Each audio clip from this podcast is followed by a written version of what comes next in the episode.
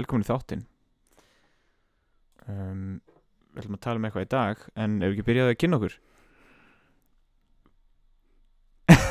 Hvað, er þetta ekki sáttum með þessa byrjun? Hvað, viltu- Viltu að byrja upp á nýtt? Ja. Já, það ekki bara Ok, alltaf leið En mér er alveg sem að þú ert ekki að byrja að taka upp á nýtt En ég mun alveg edita það Útrúkla þess að þekkt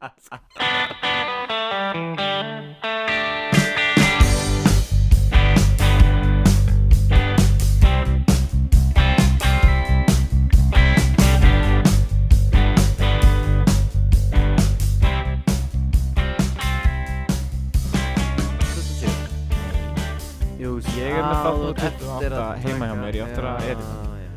Þetta er þáttur númer 29 Eru þá velkomin í þátt nummer 29 Því að ég, eh, sorry með þetta, þetta Ég var að byggja alla um að Við myndum alltaf segja númer hvað þátturinn er. Já, og svo gleymdur þú bara númer hvað þátturinn er. Síðan glemdi ég bara númer hvað þátturinn var. God damn. En fyrir því þá ætla ég að opna bjór Já.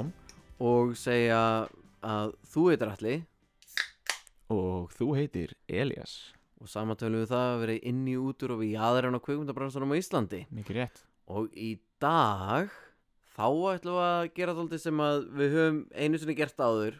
Og svo við rennum dálítið svona yfir hérna uh, útlutanir á framleistu styrk kvikmyndasjóðs. Mm bara svona til að geta gefið okkur gefið svona smá til kynna um við hverju við megum búast að sé verið að fara að taka upp núna í ár. Nákvæmlega. Það þarf ekkert endilega að gerast að allt þetta verið tekið upp af því að getur það ennþá allt gerst auðvitað en svona þegar fólk er búið að fá styrki þá er líklegt að þau fara í gang Það er líklegt, þannig að Já. við erum að fara að renna yfir útlutanir 2021 Yes. á framleistu styrkjum og svona sjá hvað við hverju mögum búast fyrir þá sem að vinna í kvökkumdagerð og við hverja þeir eiga hérna, reyna við.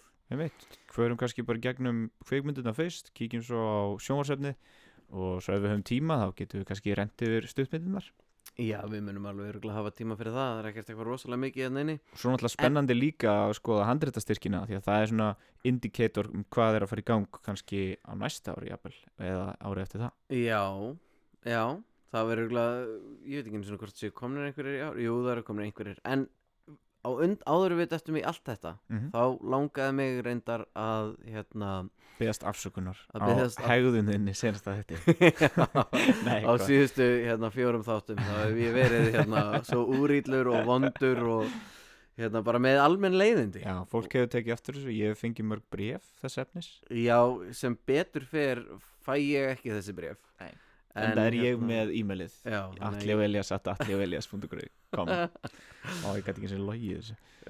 Hérna En það er íslensk kvikmynd í kvikmyndahúsum í dag. Já, og hún heitir hérna, hvernig á að vera klassa drusla? Mikið rétt og svona þar sem við getum ekki verið með neina gesti í þessu hlaðavarpi okkar Ekki enn, ekki en það enn. styttist í það. Styttist í það, við erum að reyna að redda þessu aðeins. Við vorum að fá, sorry, ég grípi hijack í söguninni En við vorum að fá ný, nýjan mixer Og þetta er orðið svona tölvert eh, meðfærilegar hérna. Nú erum við með pláss fyrir fjóra mikrofóna í þessum mixer. Uh, Við eigum fjóra mikrofóna Þannig að okkur er ekkert að vandbúnaði að fara að bjóða fólki hérna inn í, í bílskúrin nákvæmlega. Þannig að hérna, ég vildi bara aðeins að ræða þess að þú veist, að því að við vorum ekki búin að fá neina gesti og mjög langt síðan síðast á- ákvað ég samt bara að henda í svona SMS, nei ekki SMS hérna, Facebook message til leikstjórans á hérna, þessari blessuðu mynd. Já, Því að hún er búin að ná næstu því 3000 manns í bíó allavega frá, frá síðustu tölum og örgulega meira núna. vá Vel gert, var hún ekki bara frumsýnd í síðustu viku? Ég hef bara búin að vera í tvær, uh, tvær helgar. Ok, Þannig að hérna, frumsýningahelgin og síðan ein helgi eftir það. Og það er fjandi vel gert fyrir sko hérna svona low budget íslenska mynd sem var bæðið vegi ekki styrt af kvikmyndasjóði. Vel gert sem er einmitt það sem við elskum að tala um. Er svona fólki sem er daldið Við jaðarinn nákvæmlega. Ei.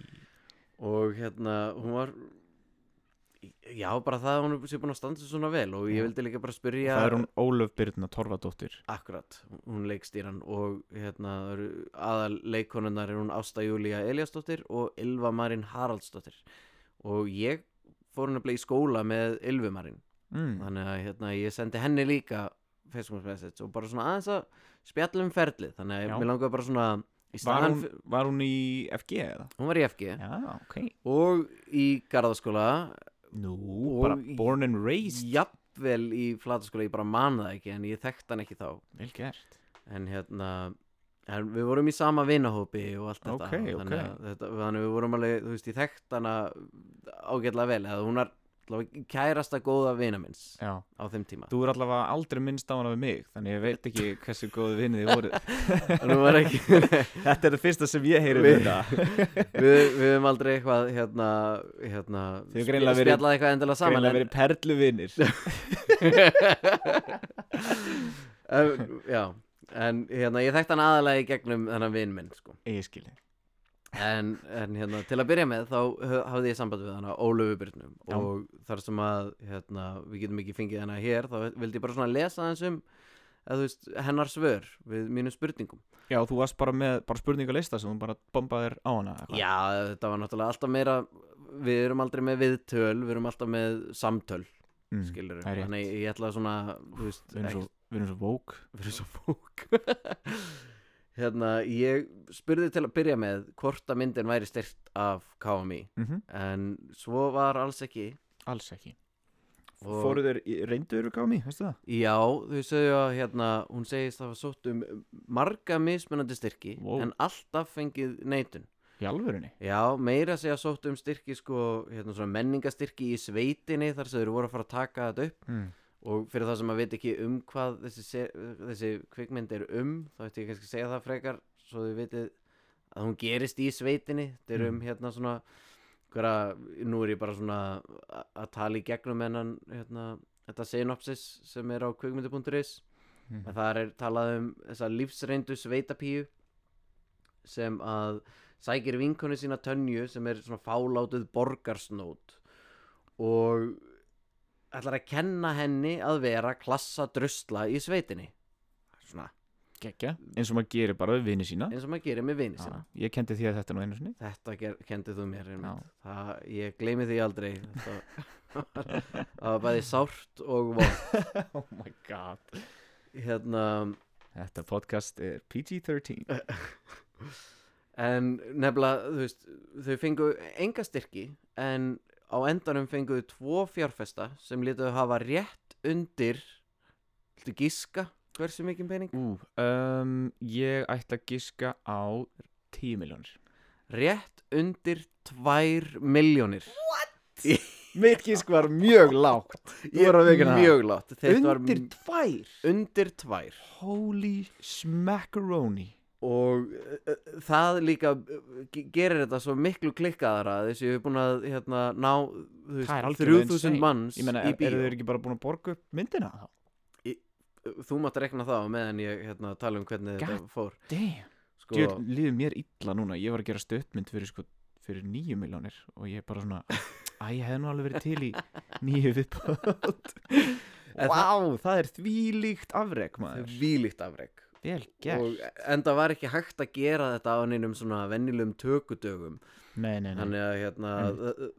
og þú veist þetta er bara svona í gegnum það sem að ég man ekki hvort það var hún eða Ylvamarinn sem að töluðu um þetta Mhm. en ég man að þau töluðu um að þau tákuðu þetta allt upp hérna bara um helgar og frítugum og fengu góðan díla hjá hérna bæði kukl og hérna öðru fyrirtæki sem að ég hafði aldrei heyrt um sem heitir Renta Lens Ég fyrst um þá.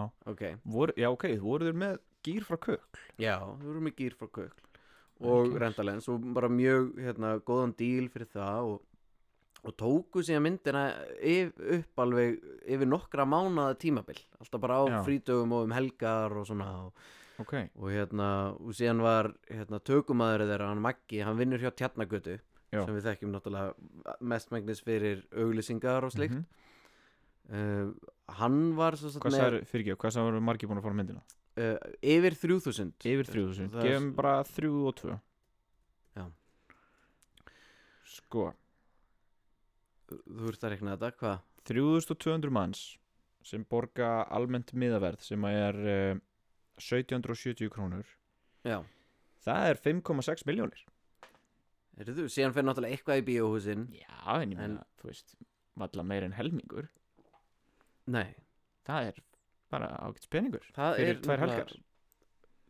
tvær helgar já, ég er að Já, segja fyrir, já, fyrir, já, tikk já, já, fyrir já, tvær já, helgar akkurat, skilur, akkurat, myndin akkurat. náttúrulega enga meginn búin í bíó nei, nei, nei, nei, og síðan eiga þau eftir að selja myndin áfram og nákvæmlega, þetta er, ég Vá, vel ég, gert ég var alveg í sjokki sko. ég er bara já, ég er í sjokki líka. Ég Já. ætla bara að segja það alveg eins og er. Og þá ætla ég einmitt bara að lesa hérna orðrétt það sem að Ólöf Birna Torfadóttir eh, leikstýra og handritsöfundur mm. af þessari kvikmynd eh, hefur að segja um þetta. Ferli. Talaði samt í mikrofónin já, sorry.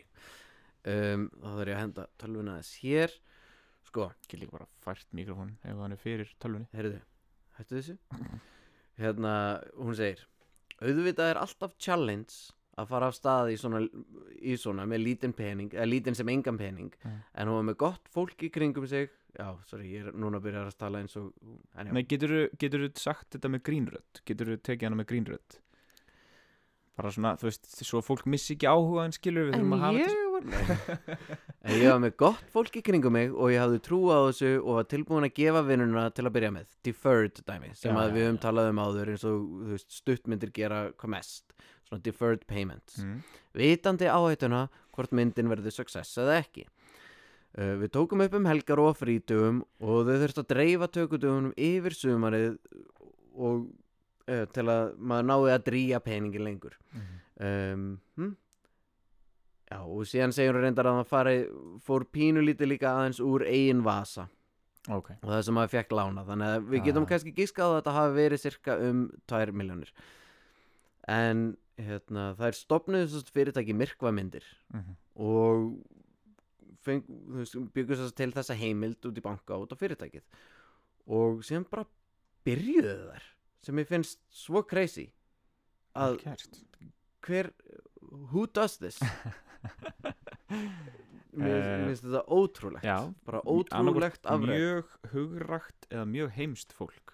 Það er bara eiginlega 50-50 sko já og, og, það, það einu munurinn er hvort það takist eða ekki. Akkurat skiljiði. ég ætlaði að mynda að segja Það veist, maður, þetta er nákvæmlega saman fólkið þangað til að text. Já, þá, þá splittist það í, í tvent sko. það hafa örgulega margir sagt við þær að hérna hversu klikkað og heimst þetta var. Algjörlega. Sem að, en núna getur, getur það fólk bara getið þetta sína. Núna bara hlæ, hlæja þær alla leið í bankan Já, og mér er svona, þú veist, að því að við heyrum þarna hversu erfitt ferlið þetta hefur væntanlega verið Já.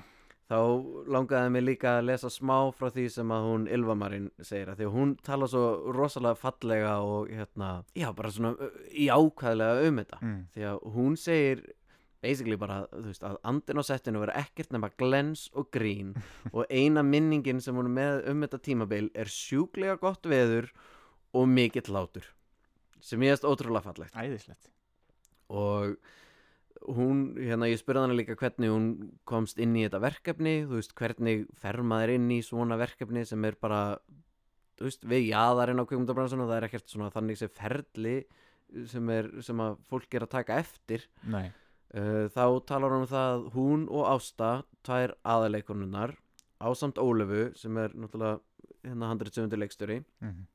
Þær höfðu áður þrjárunni saman að annari stuttmynd nokkru mánuðum áður sem að Ólöf leikstyrði og þá var Ásta og, og hérna Ylfumarinn að leika saman. Já, og síðan kemur Ólöf til þeirra með þetta verkefni. Þær náttúrulega eru inn um leið af því að bara, þeim fannst svo gaman að leika saman áður.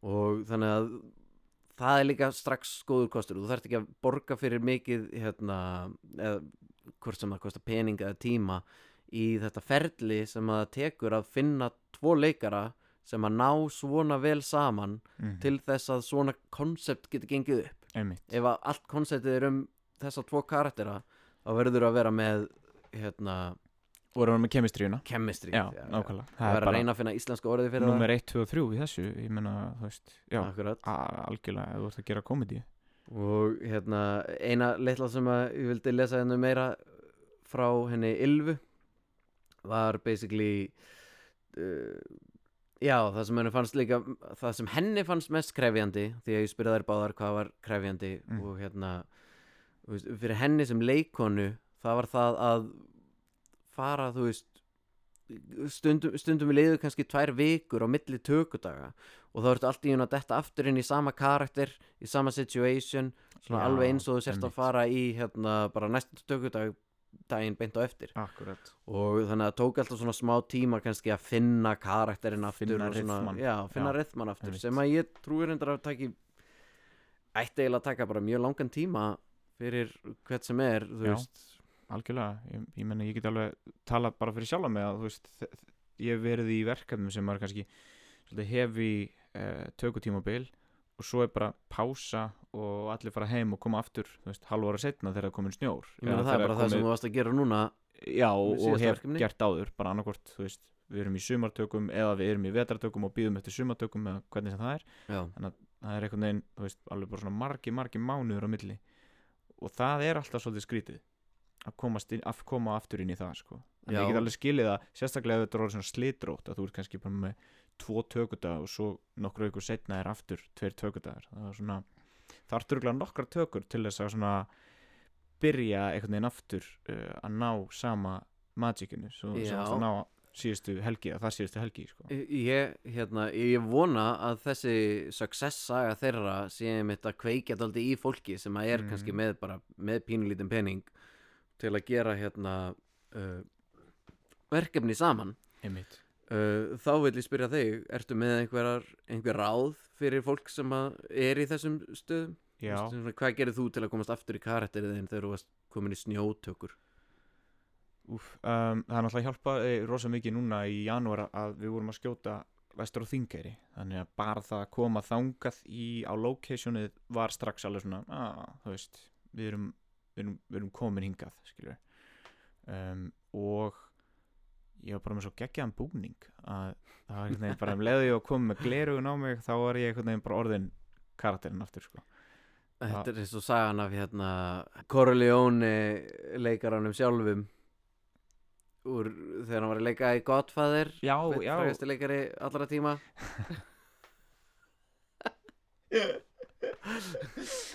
oh my god Við mættum á Q&A með honum í Ah. hérna skólanum já, okkar það í er LA Al Al Pacino já. Ég er að tala um Al já, já, Pacino já, ég held að vera að tala um hérna hinn Við erum ríkalegir The með, other one. með kvikmynda podcast hérna akkurat uh, Já, þegar Al Pacino hérna, hann saði mitt sögu í þessu Q&A sem að við mættum á í skólanum mm sem var fyrir einhverja, ég man ekki hver svo mynd var en mér fannst hún góð Já. Hérna, það var eitthvað svona dramamynd. Hún var byggð á leikriti man Já, eitthvað mm, svona, ég, ég man bara hann var með hérna, svona leikfangalest út um allt húsið sitt og var eitthvað svona ríkur Já. kall. En allavega, hann talaði um það þú veist, hann var svo mikill djammari á þessu tímabili Já, The Að- Humbling hétt hún. að, já, The Humbling. Að hann mætti bara á sett bara beint af djamminu, Mhm. ógislur og fullur og eitthvað svona. Já. Og það var ekki fyrir en að hann settist í make-up stólinn mm og hann var greittur og settur í fötin fyrir hérna Corleone. -hmm. og að hann hérna að hann bara svona sá andlitið sitt breytast í speiklinum og hann bara Mhm. varð þessi karakter. Og hann varð bara edru það skipti ekki máli á hvaða eiturlífum hann var á hversu miklu ruggli hann var í. Já. Hann var bara orðin þessi karakter og orðin edru Það er crazy sko. Já það er hann. Náttúrulega ekki ekki æskilegt Mæli ekki Nei, með því nei, fyrir nokkert mann En, við, en við mælum ekki með því crazy hérna, saga enga síður. Það eru ekki allir Al Pacino líka. Nei, en það líka bara Aldin er önnur, þú veist Þú ef þú ert að mæta í, í make-up stólinn og þú veist það er eh, hérna áfengislíkt það er, þú veist þá bara er, er það bara fundur Já, í framleiðslunni, já, já. þú veist, þú ert ekkert að komast upp með neitt svoleiðis í dag. Bara þetta tíðgæðist kannski hér áður fyrr og meiri segja að þú veist, sumir leikara svona af gamla skólanum sem að sem svona stundum detti í þetta sko mm en það er alltaf bara sett stopp á það strax sko. já þetta minnum mitt aldrei á hérna allavega Eh, núna í nútidags Já, þetta minnum mitt aldrei á heimildamyndina hérna, Jim and Andy sem að hérna, Jim Carrey er að horfa tilbaka á Já. tíman þar sem hann var að taka eh, þar sem hann var að leika Andy Kaufman í Mhm. myndinni Man on the Moon og bara það brjálæði sem að þú veist hvað hann var óþólandi á setti. veist, það, hann hefði aldrei sam, þó hann hafi verið stærsta stórstjarna í heimi Já. á þeim tíma ef að, s- hver er stærsta stjarna í heimi í dag? Örgulega einhverja Marvel-gæðunum. Jú, Robert Downey Jr. vantalega Já, já, Þú veist, svona Já. Hann er allavega hæst launaðastur Þannig sure. Að, hérna Ég ætlaði að segja þarna Chris, hvað heitir hann aftur?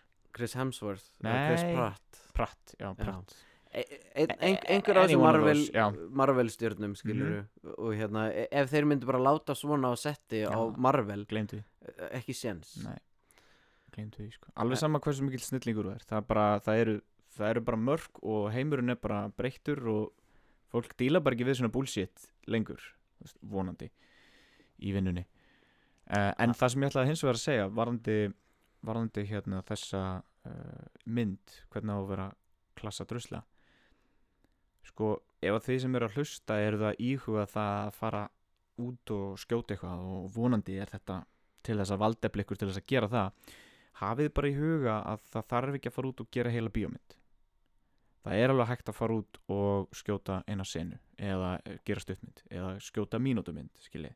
það þarf ekki að fara og, og skrifa 90 blaðsina handrit til þess að geta farið út og skota eitthvað með, með vinnum sínum með, með iPhone skiljið. þið getið alltaf farið skrifa eina senu, skrifa örmynd eða gert eitthvað sem að bara er á ykkar leveli skiljið ykkar sko reynsluleveli ykkar peningaleveli.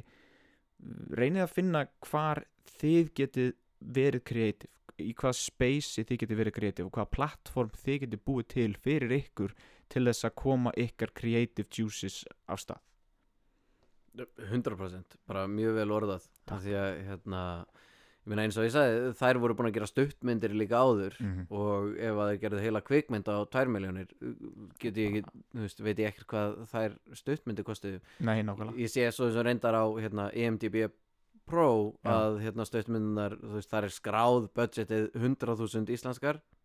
Já, ok. En, þú veist, Er það ekki bara eitthvað sem maður þarf að skrifa? Þú þarft alltaf að gera það sko þú- þú gerir mynd á NGP Pro þá þú veist, þarft maður að veit hérna, ekkert hvað það er þú þarft en- alltaf að setja inn budget. En ég samanlega þessu líka með senurnar Því að þú Mm. getur líka, þú veist, ef þú Jafnvel ef þú bara ert með góða senu Og skýtur hana og hún Tekst ekki alveg nógu vel Skjóta það bara þessa senu aftur. Já, Þú veist, prófaðu að gera það með öðru fólki Og öðrum græjum og þú veist, þó, ef þú veist að þú ert ekki að fara að sína þessa senu einmitt. Neinum, þá er bara svona að prófa að gera sömu senuna aftur og aftur að því að ef þú nærða að gera eina senu mjög vel Já, þá ertu komið með ansi gott proof of concept. Já eina senu eða, eða, eða eina bara, veist, mjög stutt og stuttmynd Bara moment. Já, einmitt Já. moment, nákvæmlega. Alveg sama hvort það er sko partur af einhverju starra eða, eða hvort það er sko hluta af einhverju, einhverju pælingu eða einhverju trillógíu sem ert með í hausnum. Bara, gerðu bara minniskjúl útgáfa af hlutnum og bættu svo við þig. Þú þarft ekki að ráðast á garðin þar sem hann er hæstur. Akkurat og hérna og, og, og þessi saga þeirra líka veist, finnst mér svo skemmtileg vegna þess að veist, nákvæmlega það sem við erum að tala um hér. Ég er með strák á Facebook mm. hérna, Facebook vinu minn. Hann heitir Konráð Kárasson Þormar. Jú, jú, og ég þekki hann bara því hann var alltaf að mæta á Reykjavík Creative Hub. Já. og var alltaf með, þú veist, rosalega til í að tala við fólk og var rosalega svona engaging og hérna, og það var gaman að tala við hann og bara svona, þú veist, hann hafði svo mikinn áhuga að gera eitthvað síðan sé ég hann posta hérna á Facebook einmitt mm að, hérna, að bjóði áhörnapröfur já, fyrir sjónvarseríu sem að þeir eru að sína í hérna á stöð 2 marathon í Mhm. haust Mhm. eða allavega svo er áætlunin þannig ég spyr hann líka Þe- og þeir eru kannski að sjá daldið svona að því að ég, ég komin í daldið svona procrastination mode í skriftunum mínum og þá þarf ég að vera með eitthvað svona lítið verkefni til að vera að vinna að og, og það var alltaf þú veist, þú veist, eins og Reykjavík Creative Hub var til þannig því að ég Mhm. bara svona þurfti að gera eitthvað þegar ég meikaði ekki að skrifa. Einmitt. Og núna var ég bara svona að hafa samband við fólk varðandi, þú veist, til að tala um það í podcastinu. Mm en ég sé hérna, þetta er plaggandi sem ég sé. Áhyrnapröfur uh, Karlkins á aldrinu, aldrinum 18-22 ára. Leikreinsla er æskileg. Kunnátt á fótbolta er kostur en ekki æskileg. Og umsókn Ekki æskileg? En ekki æskileg. Nú, ok. sem er, þeir ætluðu örgulega að segja en ekki, Ekki nauðsynleg. en ekki nöðsileg það er örgulega það sem þeir ætluðu að segja. Á, já. En, en síðan fannst mér svo krútlegt að þeir segja hérna umsóknir sendast til yippiecola.gmail.com já, með mynd, nafni, uppáhaldslit og aldri. Ég var svona, þetta er krútlegasta áhörnapröfu plakat sem ég á æfi minni séð. Og hvað er þetta? af hverju er þetta vera sínt á stöð 2 og, en, en, og hvað eru þeir að gera í þessu? Þannig að, sko, ég get svarað því. Já, please do. Vegna þess að ég fór á fund með þessum drengjum þessum góðu drengjum. Og uh, eitt þeirra er, er uh, að leikstýra. Það er hann Konráð.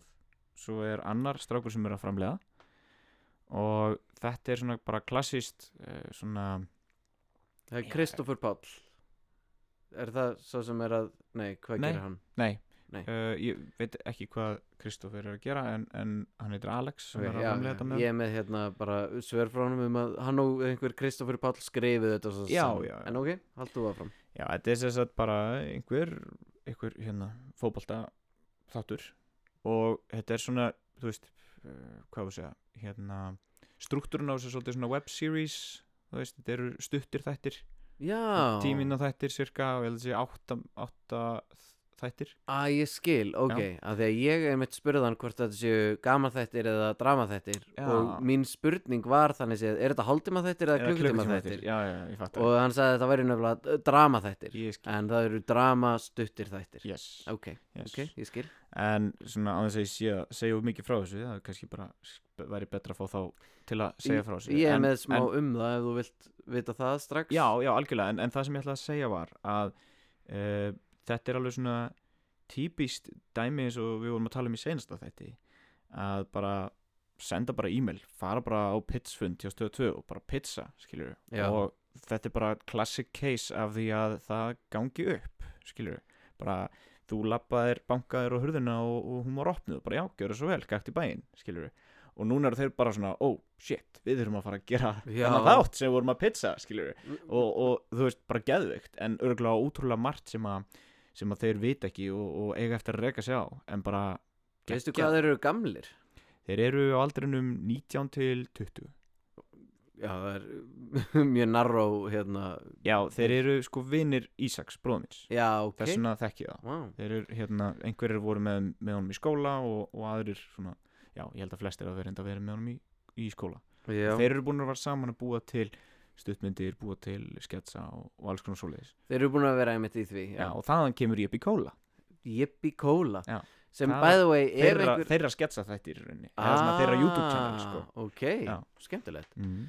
ég, einmitt, ég hugsaði einmitt að þetta væri bara svona e-maili hjá einhverjum þeirra af því að svona já, já, já krútlegt e-mail Einmitt. einhvern veginn en Þetta er bara, það er bæði vegi skrifað J-I-B-B-Y Já. C-O-L-A bara ef einhver vill endilega senda þeim þú veist, þau viljið þá fara í áhverjandapröfur er það bara it. En segð mér aðeins frá þessum þáttum. Þú ert með einhverja uh, lýsingu. Já, hann segir að þetta sé um hérna Kolbein mm. sem er ungur og efnilegur fótboltastrákur en eftir að hann kemst ekki inn í meistaraliðið ákveður hann að leggja tvöfalt meira á sig og með því koma afleiðingar. Ú, við veitum ekki meira um það en það sem er mjög- áhugavert það sem hann segir er að þessi vinur hans, þessi Kristoffer Páll mm. Kemur til hans Konráðs sem við þekkjum uh, með hugmynd af þessari seríu árið 2019 og þeir skrifuðu fyrsta draftið það, ég veit ekki hvort að þessi fyrsta draft af pilot eða fyrsta draft af öllum, allri seríunni Mm. en þeir skrifuðu það sumarið 2020 þannig að til dæla stutt síðan. Ok.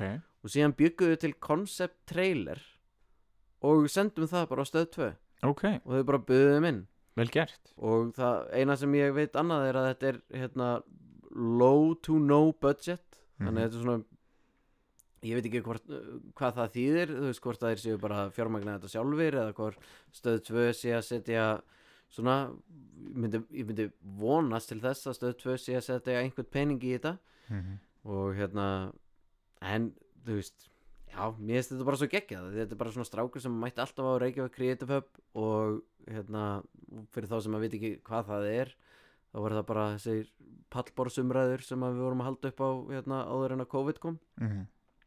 Back in the old days. Back in the old days. En núna erum við komnir í hálftíma á þessum þætti Heyrðu, og við erum og ekki búin að gera alvöru hérna Við erum í rauninni ekki byrjaðir að tala um það sem við ætlum að tala um. Nei, Þannig að let's do that. Let's do that. Heru, Við erum að detta í útlutanir 2021 framleiðslustyrkir frá kvikmynda sjóði Íslands. Heyrðu, Þá byrjum við bara á sem sagt, framleiðslu styrkjum leikna kvikmynda. Mhm. og það er það fyrsta sem að kemur hérna upp er Ababab App, app, app eftir hérna Nönnu Kristínu Magnúsdóttir eða hún er allavega leikstjóri Já, þetta er, þetta er náttúrulega byggt á leikriti, sko Já, þess vegna þekki ég titilinn ég Já. var að, að spáði því Einmitt.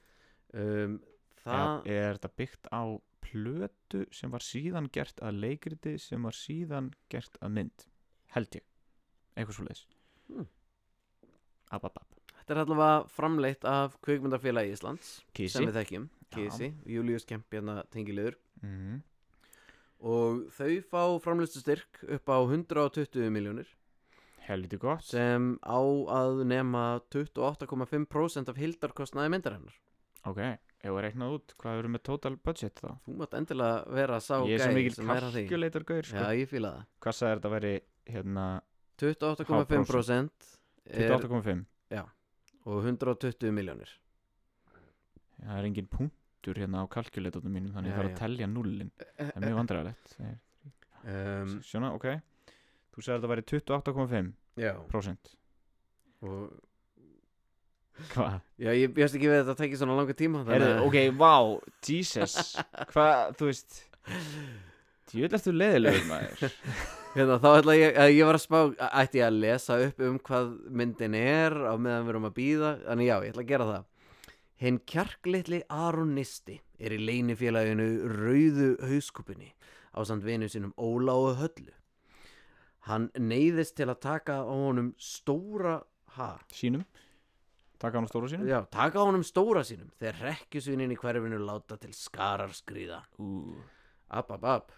App, app, app, app App, app, app Herðu, þetta er, sér, þetta er hérna rúmlega 420 miljónir 420 miljónir Rúmlega. Ok, Ég er spenntur að sjá hérna hvenar það fer í tökur Heyrðu, Já, það átti náttúrulega að standa hvenar það átti að fer í tökur? Ég held að sé bara byrjaðir í tökum. Já, áætlaða tökur átti að vera 2020 Já, ég held að sé byrjaðir sko. Nei, nei.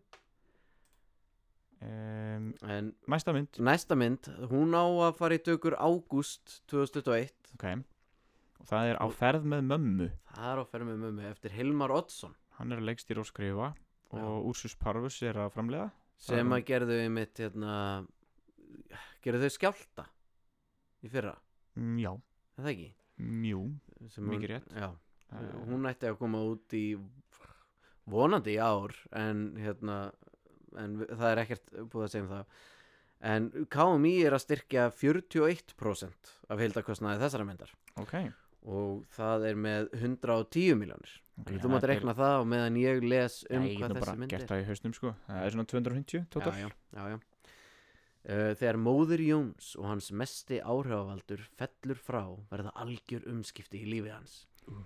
með uppáklætt líkið í aftursætinu og hundin bref, bresnef við hlið sér hann á hendur ferð þverti við landið til að heiðra hennar síðustu ósk mm. en mamma hefur ekki sagt sitt síðasta. Ok, lítum við. Hvað, er þetta eitthvað hryllingsmynd? Þetta er svört komedía. Já, ok, geðveikt. Þannig að Geggja. Þannig að þeir sem að vilja hérna, eru spenntir fyrir því að vinna við þetta verkefni, við mælum með því að þið sendið e-mail á Júla Kemp. uh, Nei, Úrsus Parvus. Já, Ekki senda e-mail á Júla Kemp Hann er búinn í tökum á babab já, ekki senda honum. Ekki, látið Júla Kemp í friði Getið please, hann, á, hann er með nóg á sinni könnu já, getið please hætt að senda Júliusi e-mail um að hérna, leika í myndunum sem hann er að leikstýra. Það er allt Nei, ja, Það leikst leik- eh, Meinar það framleiða. blossa Herri, ok, fálkar að eilífu Já, þú mátt lesa það. Það er hérna Það eru Pegasus.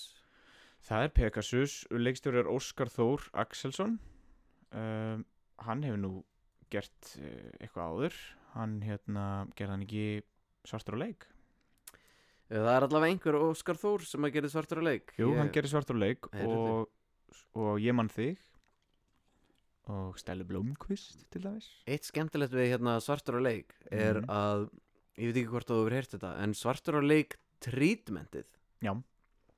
Man nei, sorry, greinargerðin sem hafa sendt inn fyrir hérna kvikmyndafélag Íslands, mm -hmm.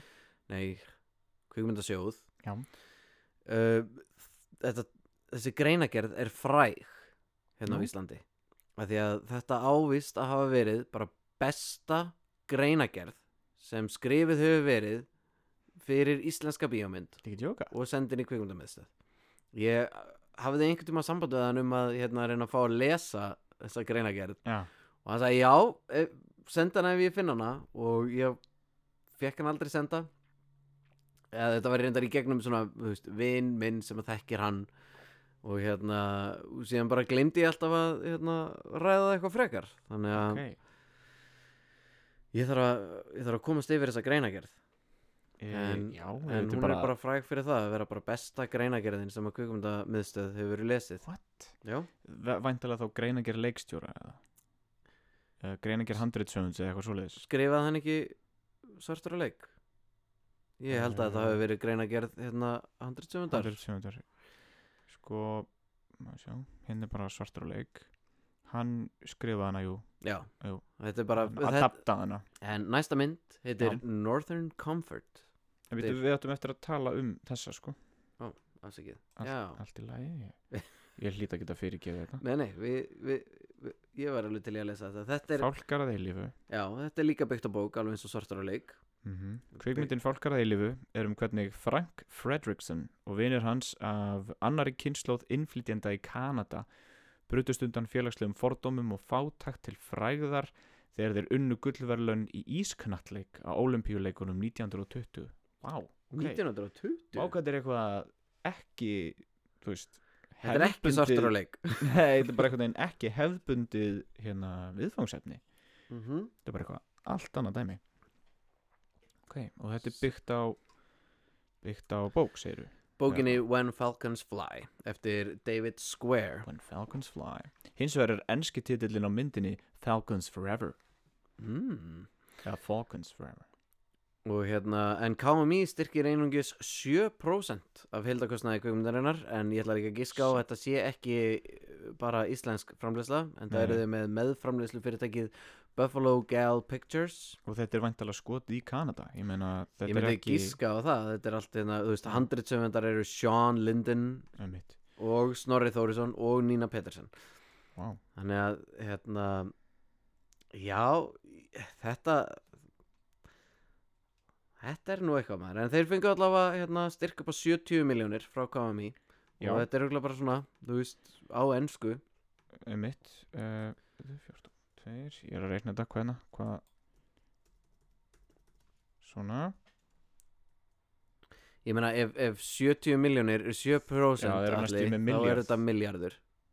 70 miljónir ef það er Ertu að 7% gera grína mér Ertu að gera grína mér? Já. fyrir framann alþjóð? Ég er að gera grína þér fyrir framann alþjóð.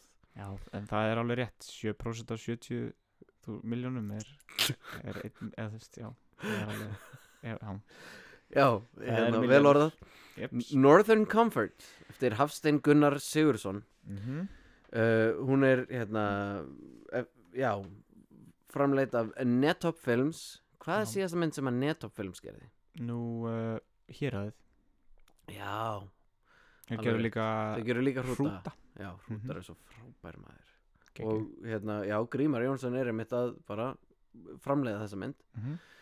um, hérna ekki, ekki ruggla saman við Grím Hákonar sem er leikstjórinn á héraðinu og, og hrútum. Ég var einmitt að ruggla Já, mér, mér heyrðist það á þér. Eins og er Grímar sko framleiðandinn hans Gríms. Já, ég skil þig. Þannig að- auðvitað.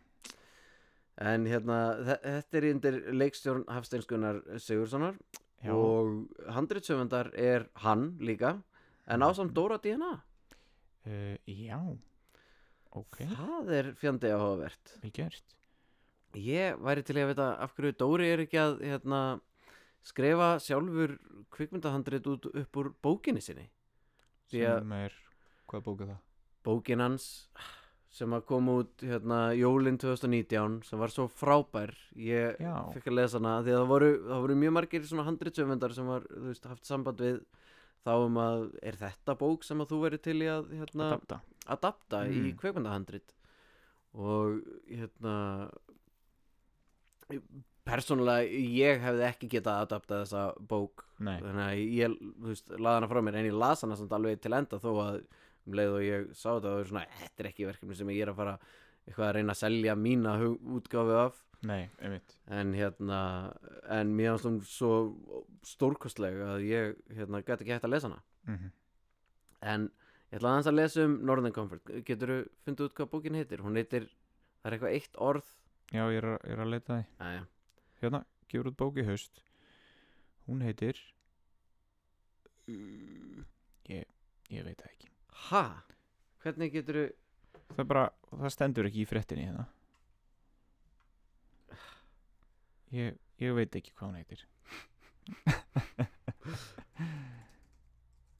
Jæja, svona er þetta. Ég ætla bara að leifa þess að þess að pása sinna, ég mun klippa þess að út. Sko já, skálsagan Kokkall. Kokkall, Já. þarna er það og það er frábæri bók sko, ég Mm. væri mikið til í að sjá hann einmitt vera að gera handrit úr því, en hann hefur bara verið busy. Hann var að greinilega að skrifa þetta handrit. Mm true. Og þetta handrit er um Sarah, ekki Sara heldur Sarah, mm. framakona á fimmtöksaldri er haldinn óstjórnanlegum ótta við að fljúa til að bjarga nýtilkomnu ástarsamandi verður hún að yfirstiga flughræðsluna og læra að sleppa tökunum alright. Áhugavert að sjá hvernig þeir gera þá mynd. Mm.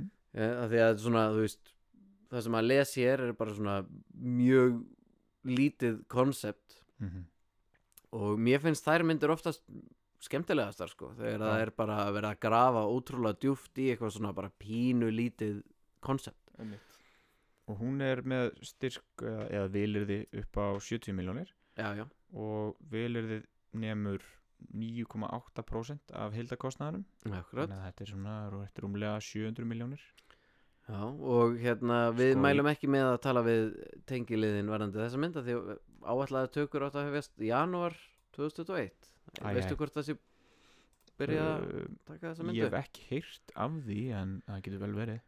Já, ég hef ekkert tert af því heldur. En ég hef svo sem ekkert í því að Það er enginn að ringi mig til að mæta upp á sett á neinum kvikmyndum sko. Nei, hérna, En nú er svo mynd sem að ég er persónulega hvað mest spenntur fyrir. Það er Volaða land eftir Hlyn Pálmason. Mm. Því að hvítu hvítu dagur fannst mér æðislega Ég veit að það er rosalega svona skiptar skoðanir á þeirri mynd. Já, ég er alveg sammálaður, mér fannst hún Eh, stórkostleg. Mér fannst hún bara ótrúleg mynd.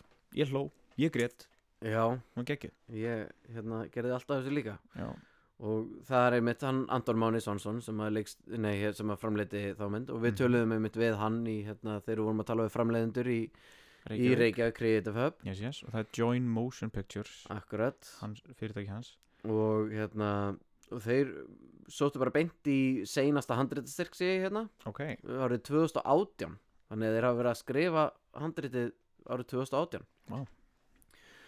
og áallega tökur hefist í mæ 2021 þannig ringi núna í Anton ef þið eruð með eitthvað til að gefa af ykkur já, please og þau fengu hérna 90 miljónir frá KMI og sem við nefnur 14% af hildakostnaði kvikmyndarinnar og meðan þú reknar það út þá ætla ég að lesa um hvað þessi mynd er gerðu það, Volaðaland er saga af metnaði, trú, fjölskyldu og hemd undir lok 19. aldar.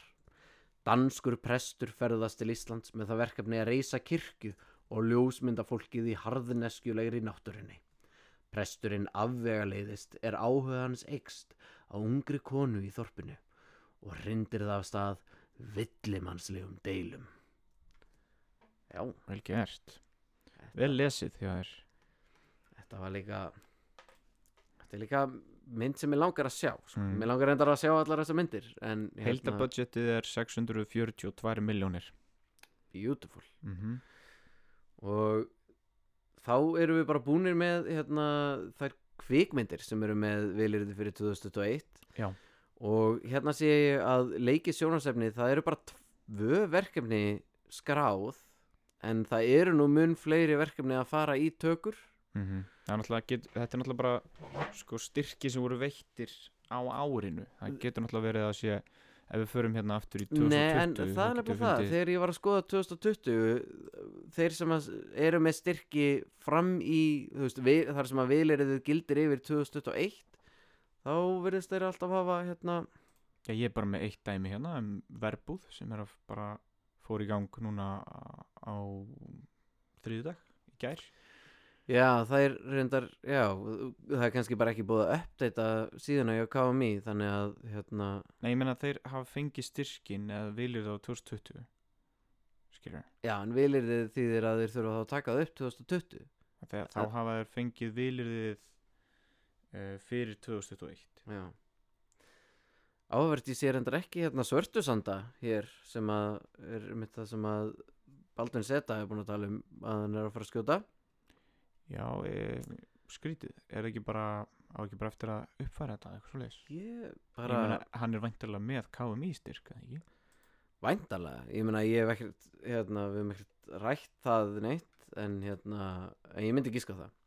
En tölum allavega um já, opnað þú kannski þetta hérna þetta einstæmi sem þú fannst þarna? Og meðan ég skoða Ég skal sko gera það. margt býr í Tulipop eða hvort, hvort þau að Tulipop gera Tales bæði. Ég ger fyrst bara fyrst gera þitt, ok. For it.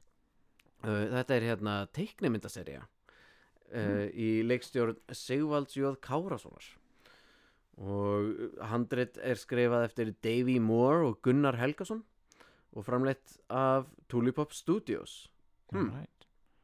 ok, þannig að sagan heitir Margt býr í Tulipop eða Tulipop Tales og framleitt eftir Tulipop Studios Ok. ætli þetta sé hérna, animation um hvað gerist og gengur á gerist í hérna, framleiðslu fyrirtækinu Uh, við höfum þetta að segja á til. myndi ekki það.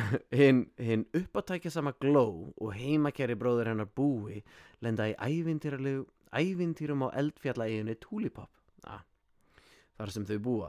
Með í för er loðna skóarskrimsliði Freddi sem þekkir eiguna eins og lóan á sér en er gjarn á að koma sér í vandræði skrautlegir íbúar eigunar þurfa að læra að umgangast Tulipop af virðingu en það er náttúran síbreytileg og full af kingi mögnuðum kröftum. Með því að takast á við allskins uppkomur uppgöta íbúanir verðmæti vináttunar og fjölbreytileikans. Þetta ljóðum bara eins og það sé um Ísland. Beauty, beauty. Já. En hérna en við þurfum, þetta er náttúrulega animation og Já. þannig að við erum ekkert að fara að byggja neitt um að hafa samband við þá. Ekki nema þið séu animatorar nei, við erum ekki að byggja þau um að Nei. gera það heldur. Það er líka bara að það fáir animator á Íslandi að það er örglega búið að ringi á. Já, nákvæmlega. Anyway, Anyway. tala um verbúð já, endilega. Gekja, Heru, það er hann Mikael Torfarsson sem skrifar uh, og framleiðendur eru Vestuport. Já, uh, Gísljör Garðarsson og Björn Hlinur eru saman að leikstýra. Hmm. og þetta fjallar uh, um afleiðingar kvótakerfisins. Já, þetta er serían sem við erum búin að tala um áður og ég er ógeðslega spenntur að segja þessu seríu. Já, Ég er bara búin að heyra geggjaða hluti um handritin. Mm Oh my god, hvað ég er spenntur að segja þessu seríu. Gleymi alltaf hvað hann heitir, verðbúð. Hún heitir Verbúð Hvað fengu þeir mikinn penning? Hvað, hvað á sú seri eftir að kosta í hérna, Hún í heildastyrk? Nei, fekk heildastyrk. uh, Heildar kostnað. Hún fekk nú ekki mikið. Uh, Hún fekk 54 miljónir Í framlýsustyrk? uh, Já, Já, ok. Sem að sko meika sens að því að það voru ógeðslega margar seríur sem fengur styrk á síðast ári. Um, og KMI styrkurinn nemur 7,8% þannig að heru, þetta er tæpar 700 miljónir sem er þó nokkuð gott Já, ekkert svakalega mikið samt. Nei, ég meina kostaði brot ekki um það sama? brot? Já, hérna Valhalla Murders. Ná miklu dýra Miklu dýrara, já. Það ekki, Alveg 900 eða eitthvað. Íra held ég. Nei. Nei, ég mann þegar við vorum að tala við hann Þórð Kristi Pálsson hérna, uh, leikstjóra og, uh, og samhöfund þeirra seríu. Þá talaði hann um að það átti að vera miklu dýrara og síðan fjall eitthvað niður Ó. og það var eitthvað svoleiðsvesen sem að þið getið heyrt bara í þeim þætti. Ok, við tölum um En hinn serían sem ég sé hérna hjá KMI er Ormhildarsaga sem er líka animation. Mm og er hérna í leikstjórn Þórey Mjallkvitar Ómarsdóttir. Og hún skrifar handrið líka. Og þetta er, þetta er þetta 2D animation sem að mér finnst hansi spennandi en þau fengu hérna alla þrjá handriðstyrkina árið 2016 eða 2015 be- fengu þau fyrsta handriðstyrk Hmm. þannig þau eru búin að vera að skrifa þetta í hansi tíma. Síðan fengu þau þróunarstyrk árið 2017 tvo slíka, einn upp á 2,5 miljón og aðran upp á 3,5 miljón og síðan fengu þau líka átaksverfnið þannig að COVID styrkin Já, upp á 5 miljónir við fengum ekki. Nei, þeir fengu það ekki. Nei, við fengum það ekki já, við sóttum um það fyrir hérna jóladagatalið eða hvað Nei, fyrir? Reykjavík Creative Hub já, já, við byggðum um eina miljón eða eitthvað. Það ekki? þeim var alveg sama. Skýt til að halda hérna Reykjavík Creative Web áfram. Alveg rétt, ég er búin að glema því. Mm -hmm. Hérna, en síðan eru þau með framleiðsstyrk upp á 60 miljónir sem að nemur 31,8% af heildakostnaði ég veit ekki ekkur að stendur kvikmyndarinnar en mm. af sjónarsögunni en hér er hvað ormhildar sagaðurum Árið er 2038 og jöklar heimsins hafa bráðunað og landið skorið í eigjar undan jöklunum skriðu þjóðsagnaverur og óvættur. Óvættir, sorry. Já, það er annað, passar vel við 2D animation eða Mhm. ekkert 2D, bara animation. Það eru tvö animation project búin að fá grænt ljós á þessu ári. Já, og það eru einu seríunar sem ég sé hér sem er Mhm. skrítið. Uh, Við hefum kannski eftir að kíkja á það áður en við komum inn og kannski heyra í einhverjum og sjá hérna hvernig á þessu stendur því að það eru Mhm. alveg fleiri seríur að fara í gang. Já, en skoðum aðeins samt hérna árið áður. Sjáum bara hvað er búið að fara í gang. Ok, Sko, ófærið búinn uh, Sistraböndu búinn Stella Blómkvist var að klárast já, Venlegt fólk þrjú Það er þess að bara komið út. Uh, Verbúðin núna í gangi eins og segi Já. Og Vitjanir eða Fractures Það er nýbúð líka. Já, Þannig að allt sem er hér á listanum Það, það er annarkvort búið. bara nýbúið eða, eða í gangi. Eða eitt í henni í gangi.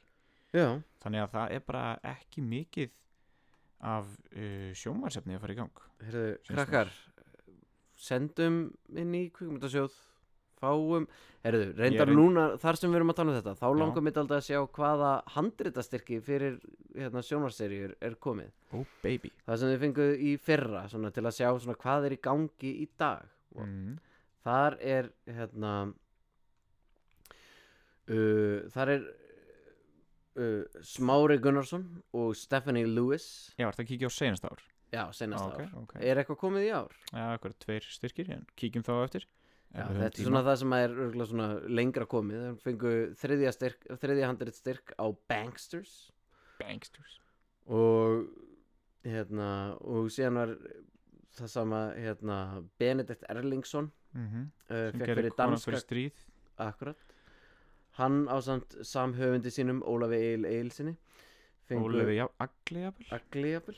Þeir fengu síðust uh, handrið styrk 2 og 3 í fyrra fyrir Mhm. danska krónan. Nei, danska konan. Danska konan. Það er rétt hjá þér. Nanda Kristín Magnúsdóttir. Hún fekk líka handræðstyrk 2 og 3 fyrir Frímó. Er það ekki bara Ababab? Það eiginlega hlýtur að vera. Það ekki? Já, ég veit ekki, þú veist uh, fólk getur alveg verið með fleiri verkefni í einu. En það er ekkert, það Já, er nefnilega Frímó hljómar eins og nákvæmlega sama og Ababab er. Já, En ég veit ekki, kannski er hún að gera tvær sjónvarserjur um börn fyrir börn. True. I don't know. En síðan þar sem það er ekkert hægt að segja neitt um þessi hérna verkefni þá svona nenni ég líka að lesa þau öll upp af því að það er ekki hægt að klikka á það og segja, Nei, sjá um hvað það er. En hérna eru til dæmis Svörtusandar Hérna eru svörtusandar og Pappa Helgar 2 til dæmis. Já, og Venlegt fólk 3 akkurat. Já, Hvaða, hvað var komið í ár, segir uh, bara eitthvað tveir styrkir sko. Já, bara, já Fyrsti styrkur fyrir einhverja, eitthvað verkefni sem heitir Kolbrún Kolfinna Nikolásdóttir uh, Ha, nei, nú ertu komin eitthvað annað bíddu. Nei, leiki sjónvarsefni Þú ert örgulega í leikna Ah. kvikmyndir. afsakið. Kolbrún og Fíasól. Já, fíasól. Er Þetta er bara Já, það er greinlega bara ekkert í gangi í íslensku sjónvarpi eins og er. Þannig að við mælum með því að sækja um slíkt. Já, samt senasta sem ég heyrði frá KMI var að það var allt fullt kæða með sjónarsamni Já, ég heyrði það einmitt líka og ég heyrði að þeir eru reyndar að opna hérna nýjan styrk fyrir bara Íslands sjónvar Já, sem að er mjög spennandi en nýjan sjóð. Nýjan sjóð Já, já. og þannig að það verður mjög áverð en rennum þá bara yfir stuttmyndunar Ok, gerum það er það ekki? Jú, til já Uh, þá er það verkefnið ekki opna augun hmm.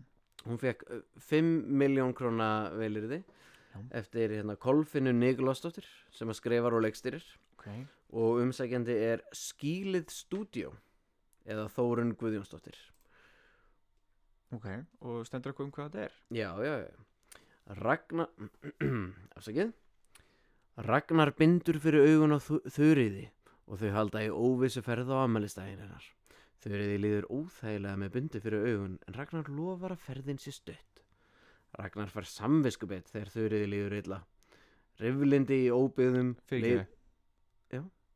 Hva, Hvað sagður þið? Ragnar fær samviskubett Já, en eftir því þar sem Þuríði líður illa Já. Það. ekki Rifrildi í óbyggðum leiðir í ljós að þau viti, vita hvorugt munin á ofbeldi og ást. Hmm. ekki opna augun. Don't. Áhugavert. Alright. Og viltu taka næsta? Næsta er mynd sem heitir Samræmi eftir Kristínu Eisteinsdóttur sem skrifar og leikstýrir. Um, framleistu fyrirtæki heitir Polarama Kitta Rock og Steinar Logi Nesheim þau fengur 7 miljónir sem er hæsti styrkur sem að hefur fengist fyrir stuttmynd hér á landi Já, Eh, er það? Já.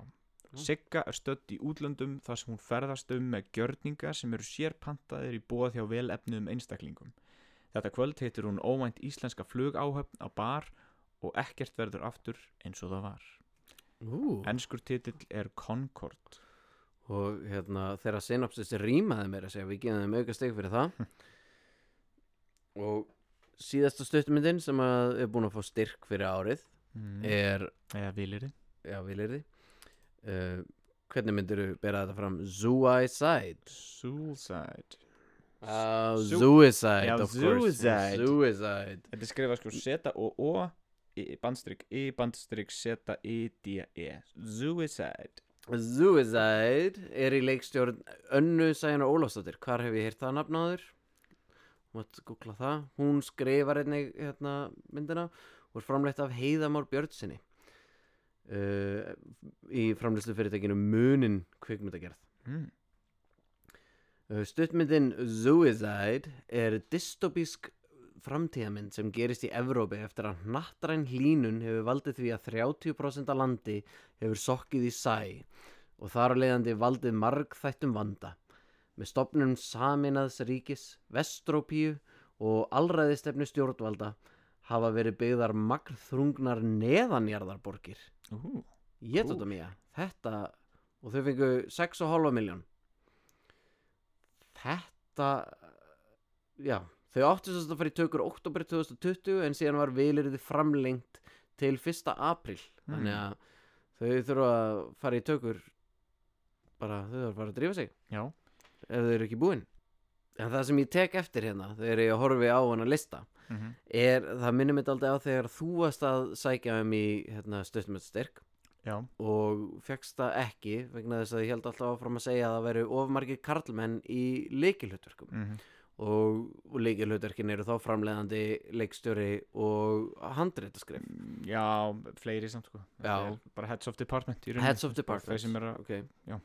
Mhm. og hérna og það var ekki fyrir hann að þú bentið þeim á að en ég, þetta er eina verkefnið sem að hérna, Er spýrhettað af köllum. Já, Já, að að öll önnur verkefni voru spyrhættuð af. Þanga til hafðu fimm verkefni fengið styrk og öll þau verkefni voru með eh, teimi af kvenkinsleikstjóra og framleganda nema eitt. Um, og já, ég benti á þetta. Að það þyrfti náttúrulega líka að vera balans á hinn veginn sko. Já, og þar af leiðandi fóru þau svona, þau voru ekki alveg búin að átta sig á þessu Nei. en hérna, og hérna séum við allavega fyr- fyrstu þrjár myndunar sem hafa fengið styrk eru spýrhættuð af kvenmunum, þannig að Mhm. við getum mælt með því að karlmenn sem eru með stuttmyndir það er svona hérna, jafnvel meiri líkur í dag að hérna að sækja um fram, framlýst fyrir stuttmyndina Já, Jafnvel. ég, já, já Þú veist, það er örgulega alveg eitthvað sem að þið getið borið fyrir ykkur. En Já, þú veist, ég, ég mæli með því ef að, ef að þú ert uh, karlmaður og ert annarkvort uh, framleiðandi að leikstjóri að, að tíma upp með uh, kvenkins counterpart. Þú veist, hvort sem að þú ert framleiðandi og, og tímar upp með leikstjóra sem er kona eða, eða öfugt sko. og já, og öfugt. Það er bara þú veist, við bara búum í heim í dag þar sem að það er að fara að gefa þér signifikant eh, hérna, forskott á, á þínar umsóknir. Og þið getið sagt það sem við viljum það hvort það sé jákvætt en neikvætt en, en ég bara gef ykkur líkilin að þessu. Sá er í líkillin hérna eru við þá bara komin í gullkortn eða? ég held það, við erum alveg komin yfir tíma með þessu já, hvað hérna hver á að vera með gullkortn í dag?